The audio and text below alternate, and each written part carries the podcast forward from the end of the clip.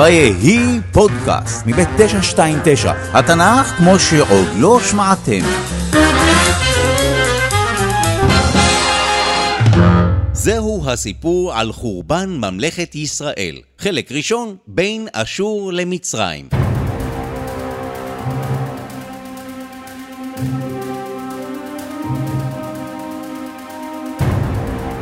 כדי שנבין למה חרבה ממלכת ישראל, כדאי להבין מי היו השחקנים המובילים באזור. תודה לך, דודו. מזג אוויר נפלא כאן בספר מלכים ב'. בואו נכיר את השחקנים על המגרש. אה, אה, סליחה? מי אתה? ולמה אתה מדבר ככה? זה פודקאסט תנ"ך, לא משדר ספורט, ואני התכוונתי לספר מי היו הממלכות הבולטות בסיפור שלנו. אבוד כבר, אמרת שחקנים, ולכן הכנסתי טוויסט לפורמט. בשום פנים ואופן. אם תזרום, אני אתן לך להיות הפרשן. אה, קניתי. חלום חיי להיות פרשן ספורט.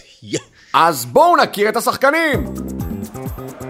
במרכז המגרש, שקרוי היום ארץ ישראל, שתי ממלכות.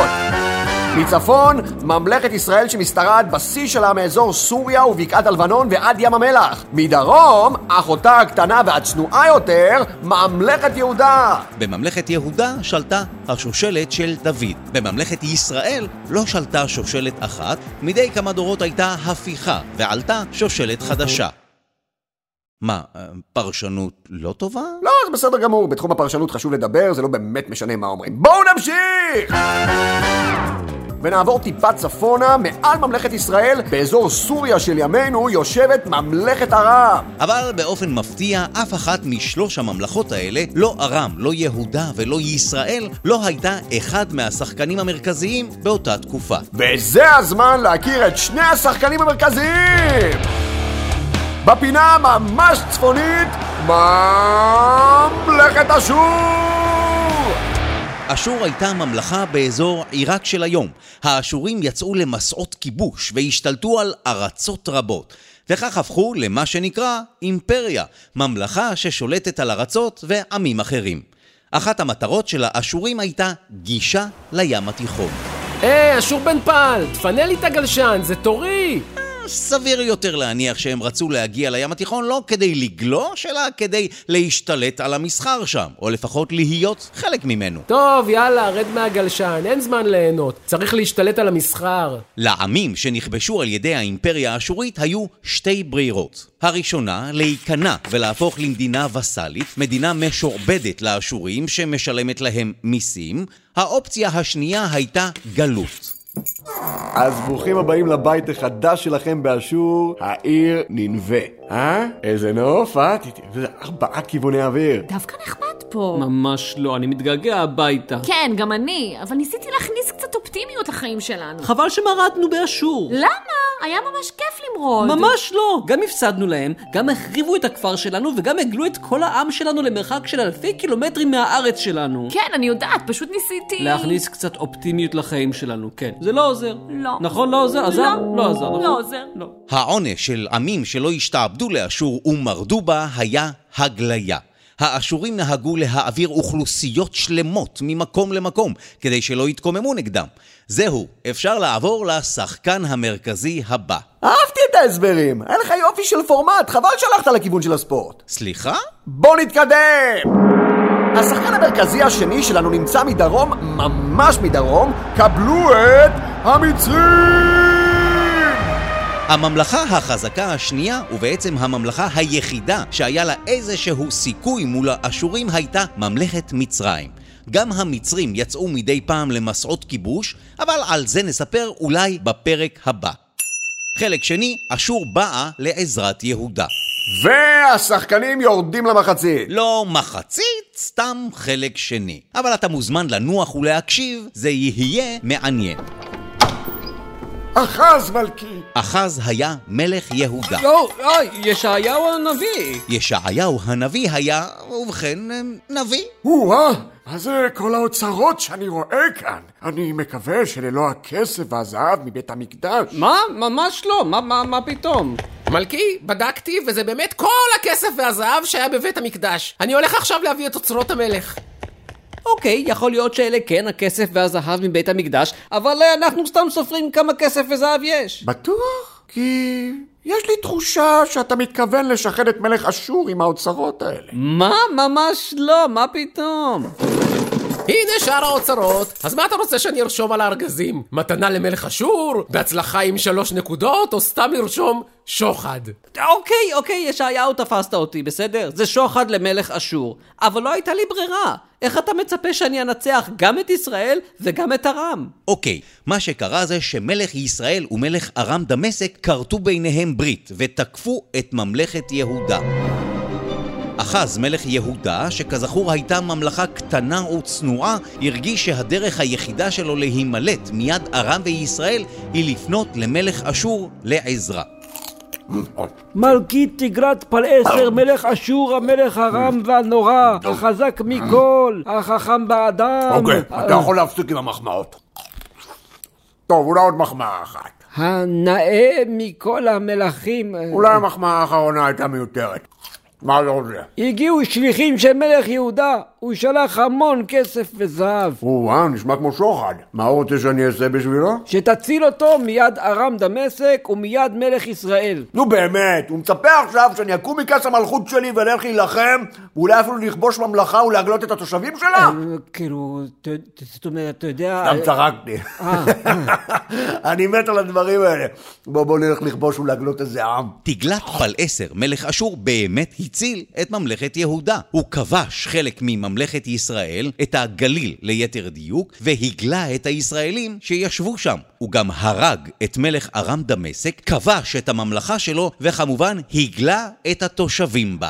או-אה, וארם דמשק מסיימת את המשחק בכרטיס אדום.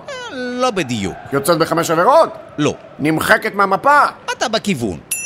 חלק שלישי, חורבן ממלכת ישראל.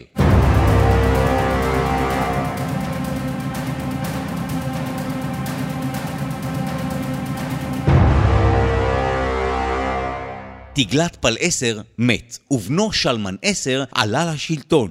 באותה תקופה מלך בממלכת ישראל מלך בשם הושע בן אלה. הושע בן אלה מלך ישראל. שלמנסר המלך החנון והרחום שכולו רחמים ויודע לרחם?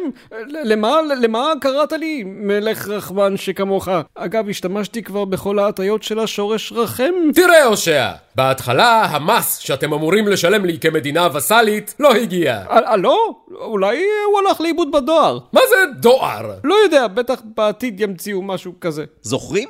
הבחירה הייתה בין להיות מדינה וסאלית ולשלם מס לאשור, לבין כיבוש והגליה. אוקיי, אז לא שילמת את המס השנתי, העיקר שאתה לא מנסה לכרות ברית נגדי עם ממלכת מצרים. מה? אני?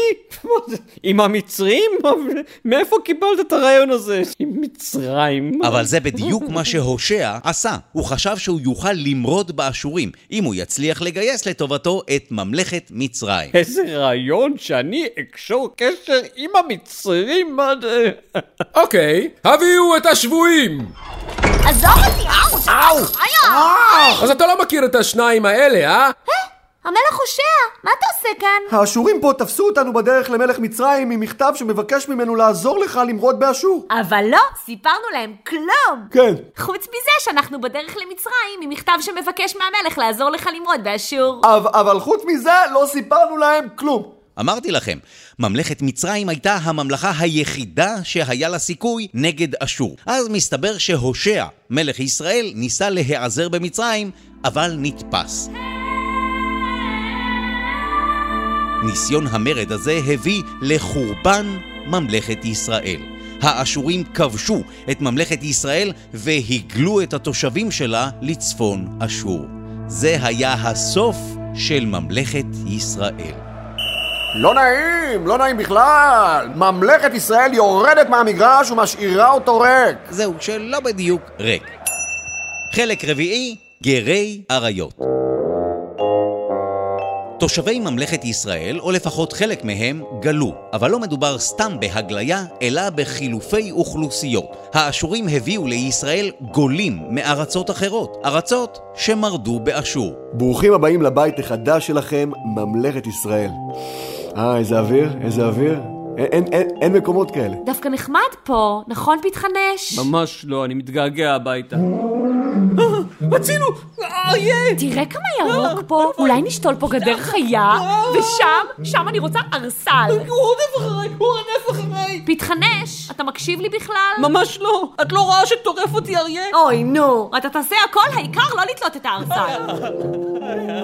זהו שבאמת טרף אותו אריה. התושבים החדשים של ממלכת ישראל לא הכירו את אלוהי ישראל ולא עבדו אותו.